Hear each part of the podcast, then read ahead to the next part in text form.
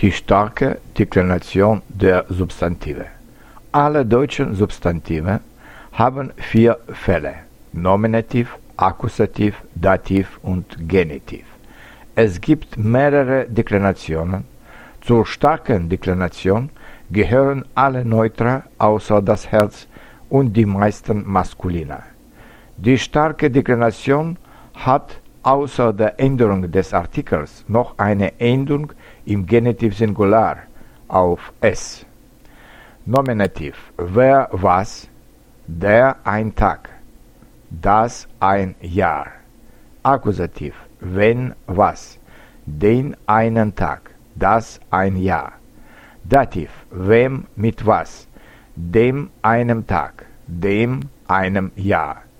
Genitiv wessen, des eines Tages, des eines Jahres.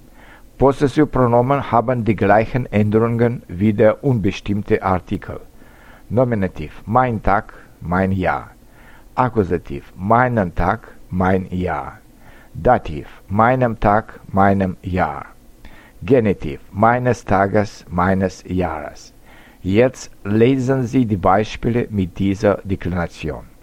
Mein Bruder heißt Wille. Ich spreche mit meinem Bruder. Das sind die Bücher meines Bruders. Er kennt meinen Bruder. Sie schreibt mit einem Kuli. Es gibt 365 Tage in einem Jahr. Sie gibt meinem Vater ein Buch. Ich warte auf den Zug. Das ist das Auto meines Onkels. Es ist genug für heute. Viel Spaß mit Deutsch.